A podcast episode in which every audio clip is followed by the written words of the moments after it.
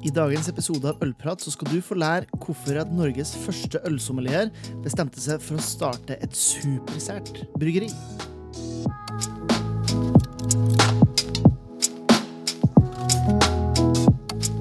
Hei og velkommen til Ølprat, podkasten som serverer ølkunnskap og entusiasme rett i øret ditt. Mitt navn er som alltid Jørn Idar, og det her er en episode jeg har gledet meg til å spille inn lenge. Endelig fikk Norges første ølsommelier og tidligere kollega Amund Polden Arnesen tid til å prate med meg, dykke ned i smakens verden og dele av sitt rikholdige vokabular når det kommer til ølets fantastiske verden. Eh, hans reise inn i den, og ikke minst hva som skjer nå som han har starta sitt eget sære bryggeri, eh, nemlig Eik og Tid. Det her ble en meget hyggelig prat, som det gjerne blir når jeg snakker med Amund. Eh, inspirerende, så det er ikke noe annet å gjøre enn å lene seg tilbake, spiss ørene og nyte denne praten med Amund Polden Arnesen.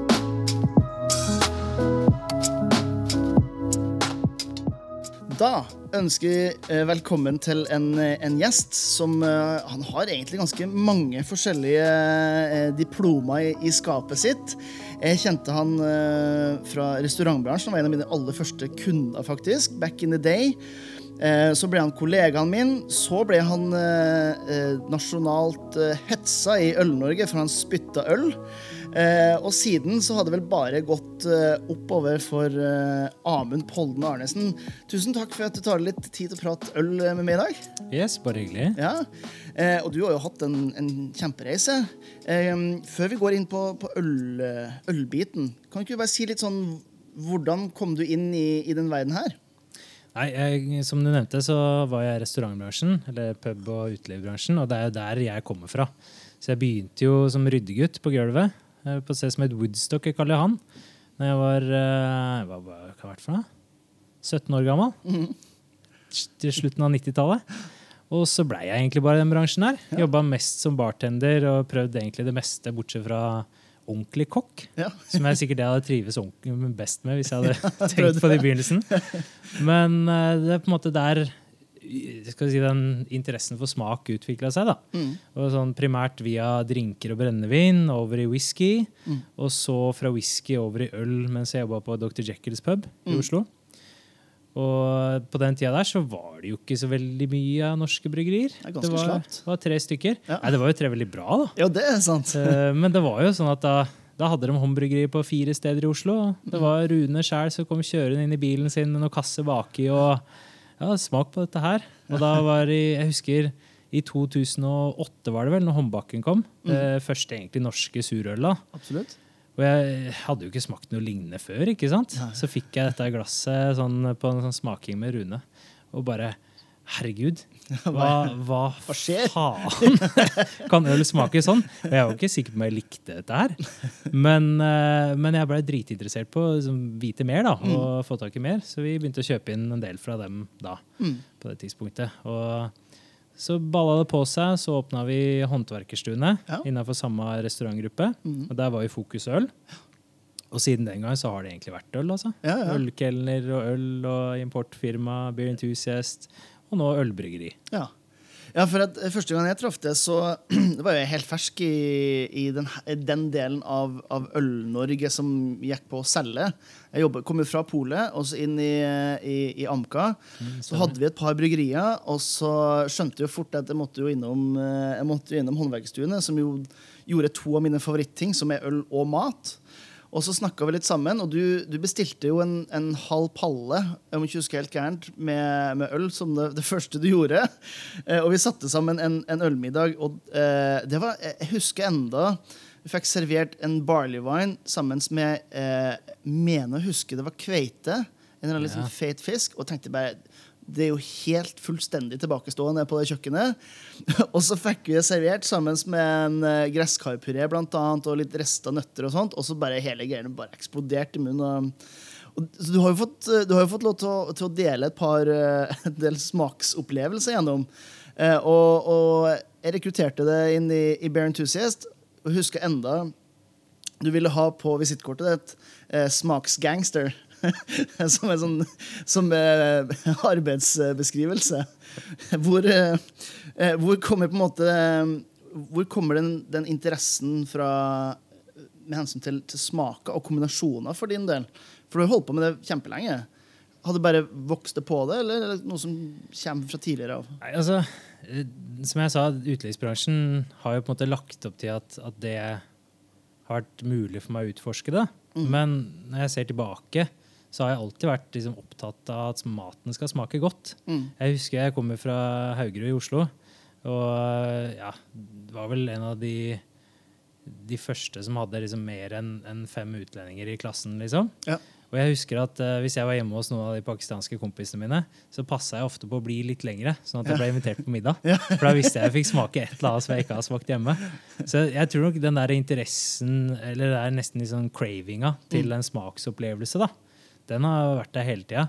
Og da ikke nødvendigvis liksom det her med å stappe seg kjempemett. Det er, liksom, det, er ikke, det er ikke selve metthetsfølelsen som er greia, men det er liksom den der, hva som skjer i munnen da, og nesa når du spiser noe nytt, noe komplekst, noe rart, noe annerledes. Ja. Det derre smaksjunkie-drivet, liksom.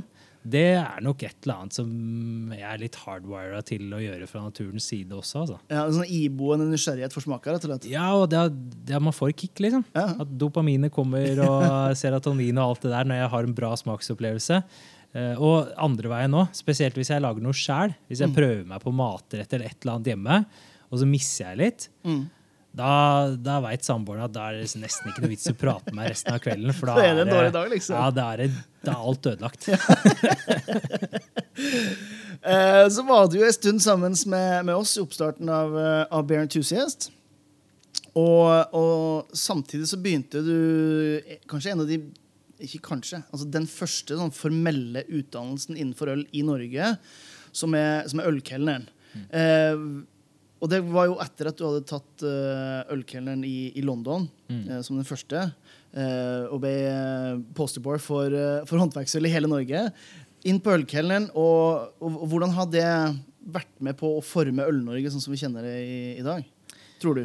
Ja, Det er litt vanskelig for meg å svare på, men eh, vi har jo Nå har jeg mista tallet egentlig på hvor mange vi har hatt gjennom ølkulutdanninga, men vi, holdt, vi starta jo i 2013, Mm. og vi har hatt um, ett til to kull årlig siden da.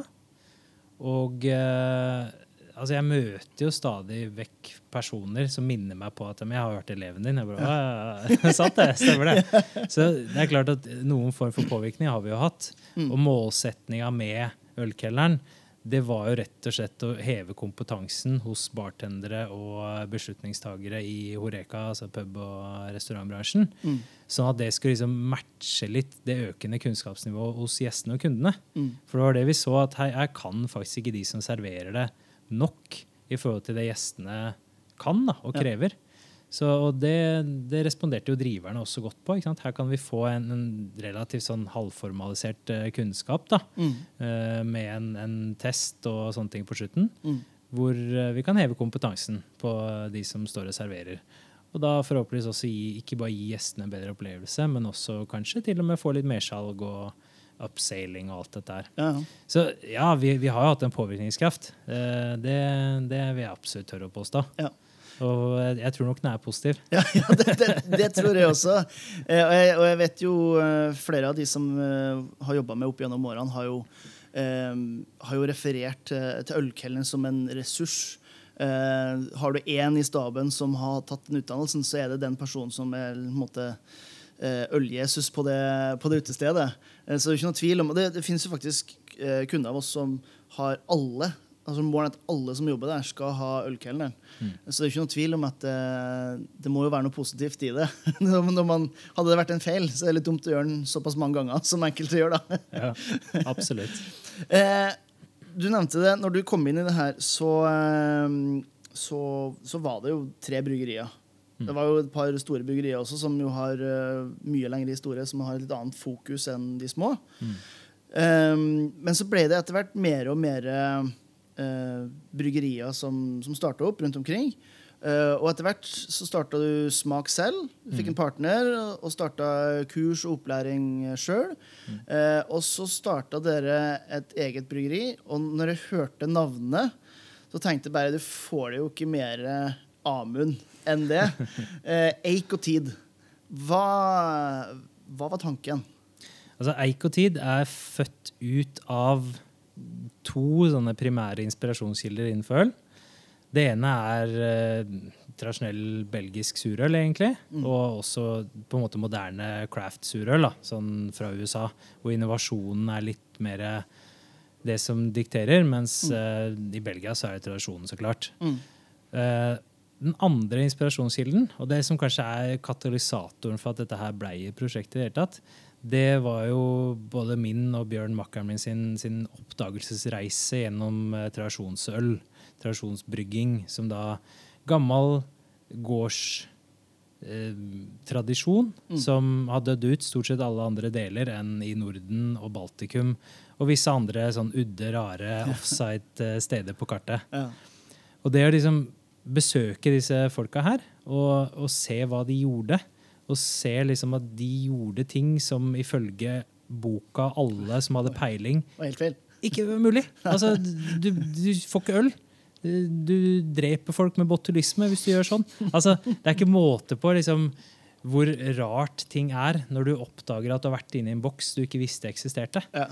For moderne hjemmebrygging, moderne craft, der, der føler man at alt har blitt prøvd, alt er gjort. Ja, ja. Du kjenner til alt. Ja. Og så kommer det plutselig en eller annen fyr på Voss som gjærer på 40 grader. Det går ikke an. Og, pitche pitcher jeg rett fra colaflaske, liksom. ja, I beste fall. Ikke sant? Og noen folk på, eh, i Hornindal som, som ikke koker vørteren engang. Hvis- Hæ? Eller noen folk i Finland som faktisk koker mesken. Mm. Hvor du står der med en temperaturmåler Ja, nå er det 90, nå er det 91. Og så lurer på, kommer den til å koke? Og så bare til slutt så flyr jo meskbitene veggimellom, fordi hele driten fosskoker jo. ikke sant? Ja. Det er livsfarlig. Og det du må liksom trekke deg tilbake. Og så, så går det jo masse ting gjennom hodet. ikke sant? Liksom, ja, men uh, Ifølge John Palmer så vil det og det her skje nå. og Det, nei, det kommer ikke til å være drikkende. Så, så smaker du på det. Og så er det ikke bare drikkende, men det er en helt ny verden av teksturer og smaker. ikke sant? Mm. Så, så rett og slett så blir liksom alle paradigmer og hele ølvirkeligheten sprengt. da. Mm. Og da tenkte jeg at ok, her er det mye spennende for oss å ta tak i. Så intensjonen var aldri å kopiere tradisjonsbryggerne, men intensjonen var ok, kan vi bruke spesielt teknikker, men også litt råvarer, men mest teknikker fra tradisjonsverden, fra disse bøndene, i konteksten sur, surøl, mixed fermentation, fatlagra øl, Mm. for å skape nye teksturer smak og smaker som egentlig eksisterer, ikke eksisterer i det hele tatt. Fordi tradisjonsbryggeri, det, nei, tradisjonsbrygg skal jo ikke være surt. Nei. Er det surt, så har du venta for lenge. Ja, ja. Eller gjort noe gærent. Det er ikke tørst nok. Ikke sant? Så, og i, um, og de, de tingene vi har implementert, fins jo heller verken ikke i Belgia, i tradisjonssurølsbrygging, eller i moderne craft. Nei. Så liksom ved å ta elementer fra begge disse verdenene her, og forene de sammen, så ville vi se hva som skjedde. Ja. Så egentlig jævla dårlig businessplan, men eh, det, ja, når det først ballen begynte å rulle, så, så hadde vi ikke noe valg, tror jeg. Nei, nei. Og, og, og timinga der var jo eh, på mange måter sånn perfekt. For at eh, vi har hatt en, jeg har hatt Lars Marius Garsvold på podkasten før, som snakker om hans reise inn i tradisjonsøl. Og, og dere kom jo litt på en måte etter han. Jeg vet ikke om han hadde noe med selve opplysninga å gjøre i, i så måte, men, men han fikk det her altså, gjetord om Kveiken, eh, om norske tradisjonsøl etter hvert også, ut til folket. Eh, og så har dere har videreforedla de tradisjonene som, som ligger. Eh, og sånn sett så navnet er jo kanskje en av de mest beskrivende bryggerinavnene som er i Norge. For at alt lagres på eik, sånn som jeg forstår det. Eh, og ingenting er spesielt eh, blodferskt i form av at det, det har fått logge en god stund. Det. Eh, det er jo i Hvis man skal se det som sier som forretningsplanmessig, så, så suger jo planen. Hvis man skal se rent kommersielt på det. Ja. men hvordan var på en måte oppstarten på noe såpass abs abskurd som, som det Eikotid var, da? Ekstremt naiv. Ja. Nei, altså, da, når vi starta opp, så, så var vi jo på tredje etasje oppe i lokalet um, i Hedmarksgata på Vålerenga. Mm. Og um, absolutt ikke egna til å liksom brygge 1000 liter øl av gangen og sånn. Eh, Så rent eh, logistikkmessig så var det ren vilje, viljestyrke som gjorde Mm. at det gikk. Og det er klart at det, det, det vi begynte å brygge Vi visste jo ikke helt hvordan det ville bli engang. Og markedet hadde jo ikke smakt noe lignende. For det var jo ikke liksom, det folk kjenner som surøl, eller spontanera øl eller vanlig barrel-aged eh, surøl. Mm. Og det var absolutt heller ikke det tradisjonsbryggerne, de som hadde vært og smakt på det, kjenner som tradisjonsøl heller. Nei. Så eh, jeg, vi var heldigvis skummelt naive på Ja. det her og bare dro det i gang og bare begynte å kjøre på det. Eh, og vi fortsatte litt med kurs og sånne ting på siden for å delfinansiere det på den måten. Mm. Og så etter hvert så tok produksjonen over så mye tid at vi måtte legge kursbiten på hylla og så begynne med bryggeridelen. Mm. Men det skal sies at eh, altså, vi har ikke blitt rike på det her. Det, og det, det har ikke alltid vært lønn, for Nei. å si det sånn. Og ja, vi har kjempa mange runder. Og det er mye, mye Amund og Bjørn Ja. inni det firmaet her. Og, og det er det valget vi har tatt. da, ikke Mm. sant? Det her med å ikke f.eks.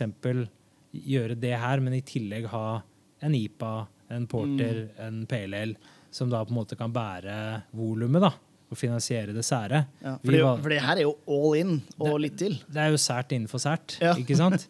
Så, så det blei veldig all in. Men det er også Jeg tror ikke vi kunne gjort dette på en ordentlig måte hvis vi ikke hadde gått all in. Nei. Eh, Og det er også i forhold til utstyret vi bruker. Det er jo satt sammen av oss, av, av gamle utrangerte melketanker og ting vi har kjøpt opp pisten og pisten og skikkelig Frankensteins opplegg.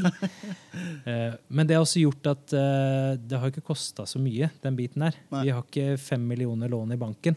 Nei. Eh, Vi har klart oss med lite, da, fordi vi har skjønt at det vi gjør, er så sært. Så vi kan ikke dra på oss masse utgifter i begynnelsen som gjør at vi må ha et visst volum akkurat nå. Nei. Så vi har tenkt veldig sånn, kostnadseffektivt. Vi har tenkt liksom upscaling, recycling, de tingene. Bærekraftighet, da. Eh, Kanskje ikke sånn primært fordi vi er sånn veldig på barrikadene for Miljøpartiet De Grønne. Nei.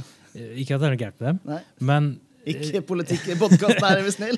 men, men mer ut ifra det at bærekraftighet for oss som en bedrift, da, når vi da er usikre på markedet, er usikre på potensialet for inntjening, så har vi også liksom klart oss med veldig lite. Mm. Så det, og det har blitt en sånn tankegang. Det å prøve å finne de tingene.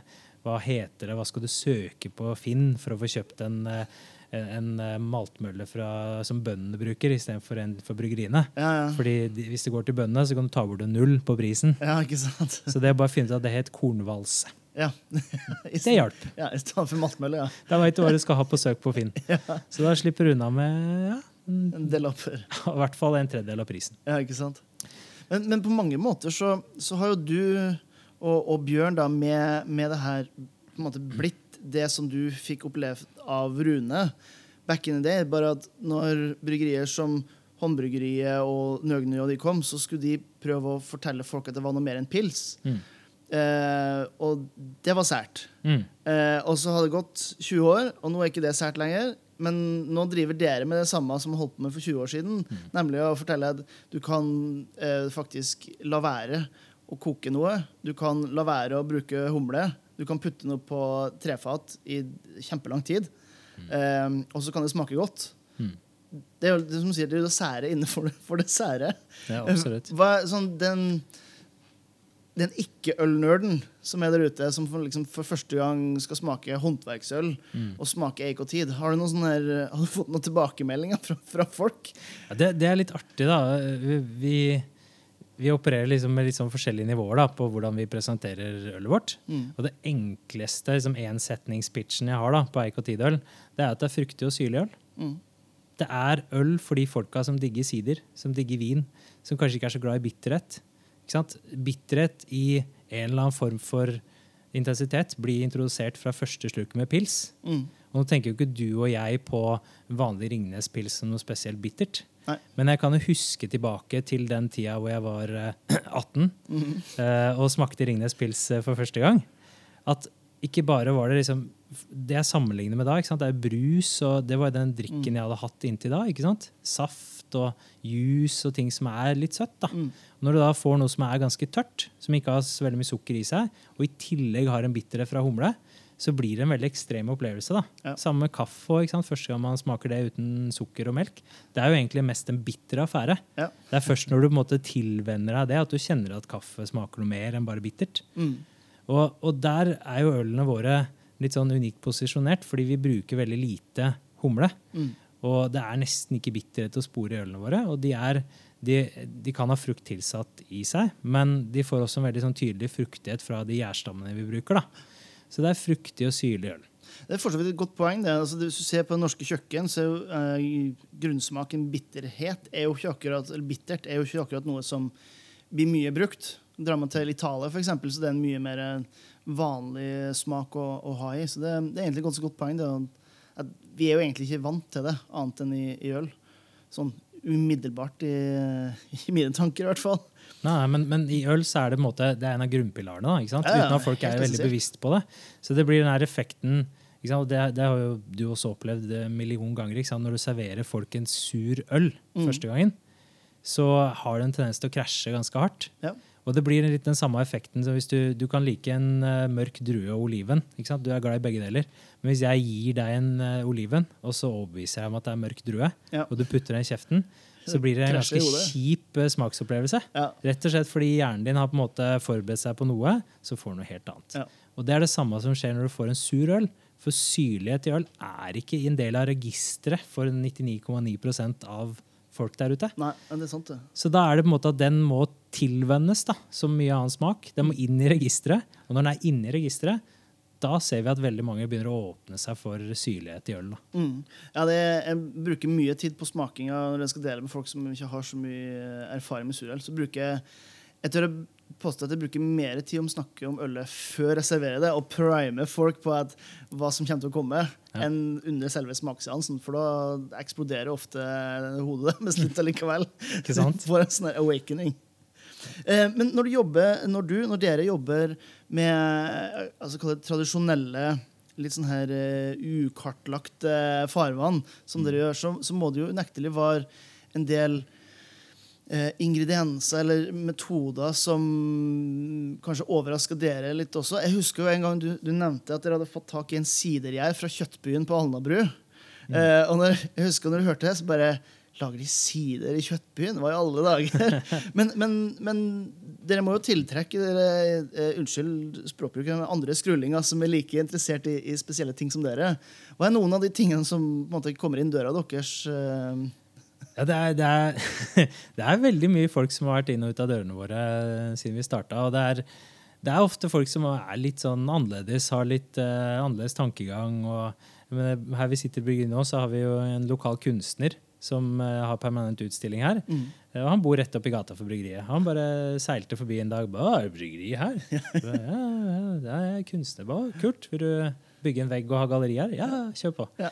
Så, så det, er, det er mye sånn. Og vi Det er klart jeg skal ikke legge skjul på at for min egen del, og jeg tror også jeg snakker litt for Bjørn, så er vi er, Vi har mer til felles med, og kanskje mer interesse av å møte andre drikkevareprodusenter som gjør litt annerledes ting Mm. enn det som kanskje er ma normalen nå da, for Ja. de fleste craft-bryggerier. Eh, pleier litt sånn sleivete å kalle det generic craft. Eh, Brannfakkel. fordi det, er, det har blitt litt sånn, da. Altså, ja. det, liksom, du går inn på en craft beer bar i Bangkok eller Helsinki eller eh, Barcelona, og det er forskjellige bryggerinavn, men det er akkurat de samme ølstilene. Og det er til og med basert på de samme råvarene. Og det er, det er kanskje det største problemet. Kopi Det at det er kopi. samme råvarene, og så er det samme type utstyr. Mm. Ikke sant? Det, det er jo forskjellig bryggeriutstyr, men metoden for hvordan du brygger øl, det er jo én metode. Ja. Eh, Og da blir smaken relativt lik. Altså Noen gjør det bra, noen gjør det dårlig kvalitetsmessig, men hvis de får det til da, og gjør det bra kvalitetsmessig, så kunne det vært fra hvilket som helst bryggeri. ikke sant? Mm. Og når jeg reiser til, til Bangkok, der til Helsinki for den saks skyld, så er jeg hypp på å smake noe som har et, en eller annen sense of place. da. Ja.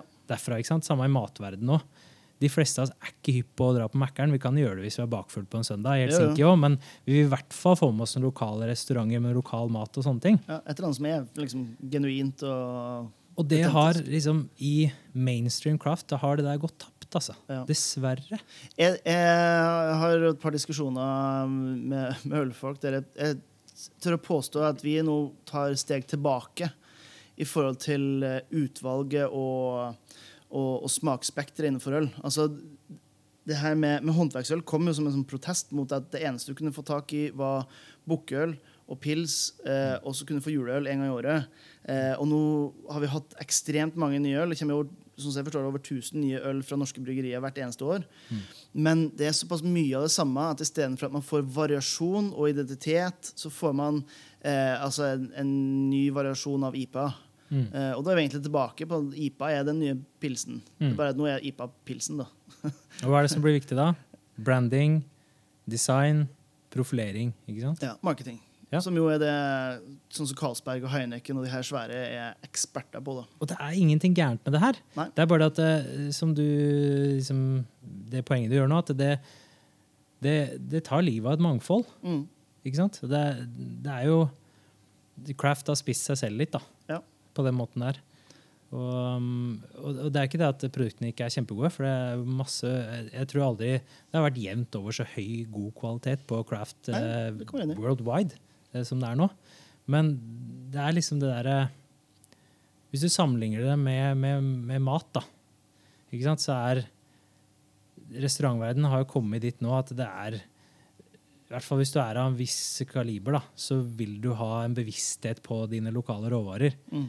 Og, og veldig sjelden vil du shippe råvarer fra andre sida av verden. Ja, man er litt ferdig med, ferdig med det. Ikke sant? Det var når fransk kjøkken var liksom top notch. Mm. Da shippa oh. du både kokker og råvarer og alt mulig fra Frankrike. El, hvor som helst i verden. En liten Ikke digresjon. Jeg husker jeg så et sånn portrettintervju med Eivind Hellstrøm. Jeg var 16, jeg gikk på, på kokkeskole på kokkelinja. Eh, Og da husker jeg portrettintervjuet, det må ha vært i aperitiff eller noe sånt, og da husker jeg det, eh, man fikk se et bilde av inni kjøleskapet hans som hadde jeg tror det var få grad til bikkja, og så var det nyinnflydd asparges fra Frankrike og så en svær sånn Iberico-skinke fra Spania som var flydd inn uka før. Og da husker jeg det var liksom det var gullstandarden. Og hvis du ser en, en profesjonell, altså en, en av de mest anerkjente kokkene i Norge i dag, og hvis de har åpna kjøleskapet, og det hadde vært der altså det, Hudfletta, er du steingæren? Har fått juling vet du, av kollegaene sine. 1989 ringte. Vi har tilbake råvarene sine. Ja, stemmer. Så det, er helt, det er helt sant, det. Og det, og det, er det er jo kanskje en, en av tingene som, som jeg ser som prøver å holde meg ganske aktiv i, i forhold til nye produsenter også. det er at det er ikke så veldig mange som starter noe som har en, en egen identitet, egentlig. eh, på den måten. Hvordan Det mest sånn uh, den, den kjedeligste stedet i Norge som er mest sånn homogent, det må jo være Oslo. Eh, men Det, det sier du så klart. ja, se- selvfølgelig. Uh, Satellittby mot uh, by mot det herlig, som det skal være. Eller skape litt, litt dramatikk. Men, men, men hvordan kan man sørge for at man har da en sånn identitet som dere har? eh, som er så forankra i, i det norske med, med belgisk inspirasjon. da. Eh, og være unikt, og ikke bare bli en del av alle andre. Det er, du må være forberedt på at det er vanskelig. Altså, det er en grunn til at uh, alle lager New England Style IPAs om dagen. Fordi det er det du tjener penger på. Ja. Eller du må ta høye priser, da. Men hvis du gjør det riktig og får en del av det markedet, så er det penger der. Mm. Og, og det er klart at med liksom, untapped og forbrukerdrevne ratings og også, altså, mener, selv importører i andre land som baserer hva de importerer på, på hvilken rating de har på untapped, så er det, det er klart at det er risky da, å gjøre noe annet enn det som markedet er vant til. Mm. Og spesielt hvis du da har investorer, hvis du har stort lån i banken, du har husleie som skal betales hver måned, så tar du mye større risk hvis du skal gjøre noe annerledes eller noe nytt. Så, så det er klart at det er ikke rosenrødt å gjøre det. Så du må ha en drive, du må ha, du må ha en vilje til å gjøre dette her på en annen måte. Men jeg tror liksom, innenfor øl, innenfor craft, så er det det er ikke så mye bevissthet rundt dette. her. Nei. Det er ikke mye bevissthet rundt råvarene, hvor de kommer fra, hvordan de er produsert, at det faktisk er jordbruksprodukter. Så bransjen selv har lite fokus på det her. Mm. Kanskje det er litt ubehagelige temaer hvis, hvis Ja, man begynner å grave i det. Det gjør litt vondt, liksom. Som, det, det Drikk lokalt, men Ja. vannet er det eneste som er lokalt i ølet ditt. Ja, ja. og arbeidskraften, liksom. Ja, kanskje. Ja, kanskje. Oi! Jo, det er sant, det. Uh, men jeg tror, jeg tror det, det smarteste å gjøre, hvis man på en måte ikke har en idé man brenner for sjøl, men har lyst til å utvikle seg selv litt, både som hjemmebrygger eller proffbrygger, da, det er å se til, til matverden. Se, se hva kokkene har gjort. Ja. Altså, det er jo fantastisk inspirerende å se disse Netflix-seriene med sånn mesterkokker fra forskjellige verdensdeler, og hvordan de plukker elementer fra tradisjon, men putter det inn i det moderne på en kreativ måte for å skape noe nytt. Ikke Ja. sant? Blir det sånn artistisk, eh, kunstnerisk over det, det, ja. men eh, de har forskjellige fargepaletter, og så maler de et nytt bilde hver gang. ikke sant? Og da, da kan man på en måte, kanskje ved å begrense seg, tvinge fram en kreativitet. Mm. Altså En kokk som, som opererer i Oslo, som sier at jeg kan ikke bruke hvitløk, jeg kan ikke bruke sitrus, for det dyrker vi ikke her. Han må bli kreativ da, for å Ja, få syre i rettene sine, og syre i rettene er ganske viktig. Ja. Men samtidig, ved å liksom tvinge fram den kreativiteten der, ved å begrense ting, så skjer det veldig mye spennende. Mm. Og jeg tror liksom mye av Crafts problem ligger der. Mm. At vi eh, eh, vår, vår gode venn Paul Arnie fra Yale Apothecary han, eh, har, eh, han kan prate lenge om det her. Ja. Men han, han sier at uh, most brewers are catalog brewers. Ja. They order everything from their equipment to their raw material from catalogs. And then everyone gets the same.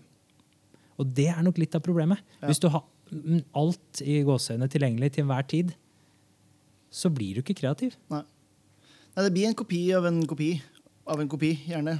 Som har vært en kopi i utgangspunktet. Så det, det, det blir bare en sånn copy-paste som ikke skaper noe nytt, men skape et uh, noe likt. da. Ja. Så det å liksom begrense hva du er villig til å bruke, da. Mm. Uh, og nisje seg litt, kanskje spesialisere seg litt.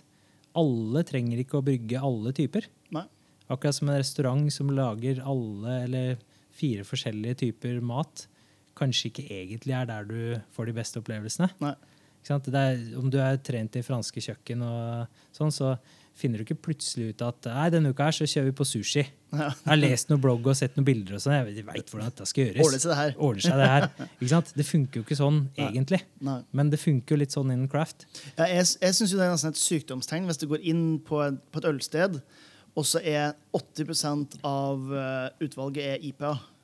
For da er det bare valgt nesten som du sier, ut av en katalog. Da har man bare valgt pga. En eller annen untapped rating, eller at man forventer og, og skal bare selge den ene tingen. Og da er vi litt sånn, da er vi tilbake på, i, i 1990. altså. Da er det, det pils og bayer og juleøl en gang i året. liksom. Det er alternativene våre. Så um, som sier, det gjør kanskje litt vondt å, å snakke om det. Ja, jeg tror det. Men, men altså, jeg, jeg er ikke fan av å liksom, legge skyld på forbrukerne eller Untapped eller Ølbaren. eller ting. Det, det er hos produsenten det starter og stopper. Det er, det er vi som produserer skitten. liksom. Ja. Hvis vi er hypp på å produsere noe, så gjør vi det. Hvis vi ikke er hypp på å produsere noe, så gjør vi det ikke. Ja. Og det er liksom så klart økonomiske hensyn som må tas. Selvfølgelig. Uten tvil. Vi driver business, liksom. Men vi kan ikke sitte på berget og vente på at noen andre skal gjøre noe for oss, vi som er små bryggerier. Hvis vi ønsker en forandring, hvis vi ønsker å gjøre noe annet, så må vi gjøre det sjøl. Ja, det, begynner, det starter og begynner med, med bryggeriene. Det er ikke noe, noe, noe tvil om. eh, du, vi har pratet en, en god eh, halvtime, og eh, vi har pratet mange timer før, så jeg vet, vet vi kan sitte kjempelenge. Men det skal vi ikke. Eh, men jeg tenker vi må bevege oss litt inn, eh, inn på det her med, med smakskombinasjon. da. Altså eh, dykke litt ned i den her eh, smaksgangsteren eh, Amund. Um, og hvis du, Det er et spørsmål som vi stiller alle, egentlig. Um, men hvis du skal ha en, en ordentlig god øl- og matkombinasjon eh, for det dagen Nå sitter vi her en onsdag midt på dagen, det er litt grått ute, vi har fått uh, litt for mange kopper med kaffe. Eh, men hva, med de parameterne der, hva ville vært en, en perfekt øl- og matkonvensjon for deg akkurat nå? Oh, det, er, det er et interessant spørsmål der. Um, jeg underviser jo i dette her, både på, på ølkelleren og på flere av vinut- vinkelnerutdanningene i Norge. Og desto mer jeg gjør det, desto mer erfaring jeg får på temaet, desto vanskeligere syns jeg det er å gi sånne generelle anbefalinger. Ja, nei, Du kan gi spesifikt her. Ja. Du, det er så spesifikt du bare Lagd ønsker. av den kokken den, på det Ja, ja. tidspunktet. Nei, av, av sånn spennende komboer. Nå kan jeg hente fram noe av det siste jeg gjorde. Det var jo på Kulinarisk akademi. Da hadde vi um, øl og mat med vinkelnerne der. Og da hadde vi um, en fantastisk opplevelse i forhold til um, en sitronkrem med mareng. Basically sånn dekonstruert um, lemon meringue pie, Mm. egentlig. Og den, den har vi hatt før, og det har alltid vært litt vanskelig å sette noe til den. Så um, jeg måtte rett og slett ta inn et av våre øl. Ja. Dessverre. Så selv om jeg prøver å ikke selvpromotere så veldig mye i de sammenhengene der. Men da har vi eh, et lyst øl som er da primærgjæra med hornindalskveik, råøl. Eh, Og så har det ligget på store eiketanker, hvor de da hentes ut 1000 liter av gangen. Så det er, sånn, det er alltid litt eldre, eldre øl igjen i blandinga. Mm. Og så har vi tørrhumla det med mosaikkhumle. Men tørrhumlinga ligger lengre enn du ville gjort på en IPA. Så Ja. han blir litt annerledes. Det blir mer sånn hylleblomst, solbærblad-preg ut av det. sånn moden fruktighet istedenfor litt sånn fersk eh, floralitet, da, eller? Ja, nei, men får litt sånn ekstrem floralitet. Altså, Ja, okay. Tenk hylleblomst, den derre Ja, okay, nesle, ja. solbærbladaktige greia. Og akkurat den komboen der, da, med sånn syrlig sitrussyrlighet i et lyst øl og det hylleblomst solbærblad-greiene, funka ekstremt bra med den der um, kremen og marengen og alt Mm. mulig. Den var på en måte delikat nok til ikke blande seg for mye inn. Men samtidig så hadde den det der lille ekstra punchet i den nesle um, hylleblomstpreget som bare uh, ga en liksom brightness da, Ja. til kombinasjonen. Så det var veldig gøy. Deilig. Det hørtes ikke feil ut i det hele tatt. jeg jeg syns også det er interessant uh, uh, hvordan du snakker om, om kombinasjonen der. For der er det egentlig to individer som går sammen og skaper noe nytt. Mm. Um, og det er jo noe, noe som jeg, i hvert fall jeg prøver å være ganske bevisst på når jeg prøver å gi øl og matråd. Mm. Måten man bruker øl. I noen tilfeller så vil man bare man vil gjøre det supersimpelt. Det er en, liksom, det er en sjokoladekake med en Imperial Stout som smaker sjokolade, og så er det to ting som sammen blir litt sterkere. Mm. Men det der er jo nesten på grensen til en, eh, til en kontrast Mm. som skaper noe nytt. Hva, hvis du, hva foretrekker, foretrekker Hva syns du er mest givende for din del? Er det kontrastene eller komplimentene som, som gir mest? Eh, Det kommer litt an på. Både liksom rettene i seg i sin måte, men også litt dagsformen. Og det, det merker jeg også på, på folk når jeg liksom underviser i dette her. Og vi tar jo ofte en håndsopprekning. Jeg spør i hvert fall hva folk foretrakk, da, og hvorfor. Ikke minst. Det er det Mm. viktigste. Ja. Det litt sånn eh, unyttig informasjon å høre bare det var godt eller Ja. vondt. Hvorfor var det godt? Hvorfor var det Ja. vondt? Eh, Men det virker som noen mennesker er veldig glad i noen ting som frisker opp uh, mellom bitene. Altså noe som liksom trekker det hele litt oppover. Så det er en sånn frisk release fra det du har på tallerkenen. Mm. Mens noe andre vil liksom grave seg dypere ned i et tyngre element på Ja. tallerkenen. Litt sånn det, det du nevnte, da, med Imperial Stout og mørk sjokolade i en kake. Mm. Hvor de, liksom, du må grave deg ned i tunge. Um, og, og det der blir en sånn veldig personlig preferanse, faktisk. Og også litt dagsform. Ja, Noen, noen dager så er du hypp på liksom noe lett. da. Liksom, noen ganger vil du ha en salat og ikke en biff. Mm. Og det er litt det samme i komboen òg. Mm. Mens, eh, mens andre dager er du hypp på liksom, den biffen og liksom, glass med tung rødvin og det der. øh, Ikke sant? Og det, ja, det, begge deler har sin, eh, si, sitt uh, bruksområde da, og sin timing. Men det jeg pleier å gjøre, og det jeg pleier å anbefale også ikke bare profesjonelle som jobber med dette i en serveringssetting, men også folk hjemme som vil prøve seg fram, det er å sette to øl Mm. til maten, og gjerne gå i de to retningene. En litt sånn frisk release og en litt sånn tyngre Ja. Uh, og det, faktisk, Jeg må skyte en liten digresjon. En, eh, jeg møtte en svensk brygger på en festival i Sverige. Så begynte vi å prate øl og litt sånn rare smakstilsetninger. sånn. Så sa han at Nei, men jeg har en veldig sånn grei, enkel tilnærming til det. For jeg, liksom, jeg har to typer smaker, eller to kategorier. Det er oppoversmaker og nedoversmaker. Og hvis du har for mye nedoversmaker, så må du kanskje ha en oppoversmaker. Og så begynner de liksom å liste opp hva som er oppover- og nedoversmaker. Sånn, mye mørk malt er nedoversmaker. Som tørrhumling, oppoversmaker. Eh, surøl, syrlighet, oppoversmaker. Og så bare, jeg merker jeg har liksom kommet tilbake til å tenkt på det veldig mye i etterkant. Og det er bare, ja, så enkelt og greit kan det nevnes. Og sånn kan det nevnes i eh, øl- og matkombinasjonen òg. nå. Liksom oppover- og nedoversmaker både på tallerkenen i retten, men også i ølet. Ja. Og så kan man tenke litt sånn at det der skal finne en eller annen form for sånn herre Om ikke, ikke 100% balanse, så skal det finne en harmoni, i hvert fall. Ja. Jo, men, ja, men det, er, eh, det er jo en fantastisk enkel og grei måte å tenke på. For det handler jo til syvende og sist om å finne den balansen. For Hvis du har noe som er veldig syrlig, så har du en veldig oppoversmak. Og da kan det hende at du må balansere med noe som er tyngre. Mm. Og så møtes det i midten. Mm. Men det er jo kontraster, selv om det, det er balanse. Ikke sant? For en deilig, enkel måte å tenke Ja, på. smak på. det, det, jeg, jeg, jeg er nesten litt sjalu på den, faktisk. Jeg tenker, faen, jeg har gått overkomplisert shit i alle år. Masse skjever i hele tatt. Skal vi drite? Oppover og nedover. Ja, oppover det, det, det er kjempebra. ja, det er veldig bra. Eh, Amund, tusen takk for at du eh, tok deg litt tid å dele, med, dele kunnskap og entusiasme og hele tatt med oss. Det var hyggelig prat. Ja, det var det absolutt. Um, og hvis dere har lyst til å komme og få the mind blowns av eikelagra øl som har ligget lenge på fat, så har dere jo åpent uh, fredag og lørdag. Ja. Um, det kan dere sikkert finne Ekotid på både det ene og andre sosiale medier. Så det, Det tror jeg. Ja, folk er oppegående sånn sett. Uh, tusen takk igjen, Amund.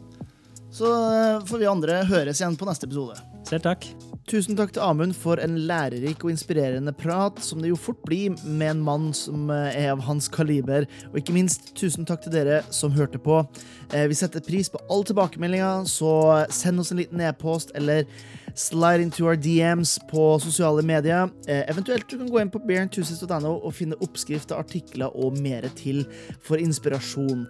Og så får dere huske til neste gang vi høres, at gode folk fortjener godt øl. you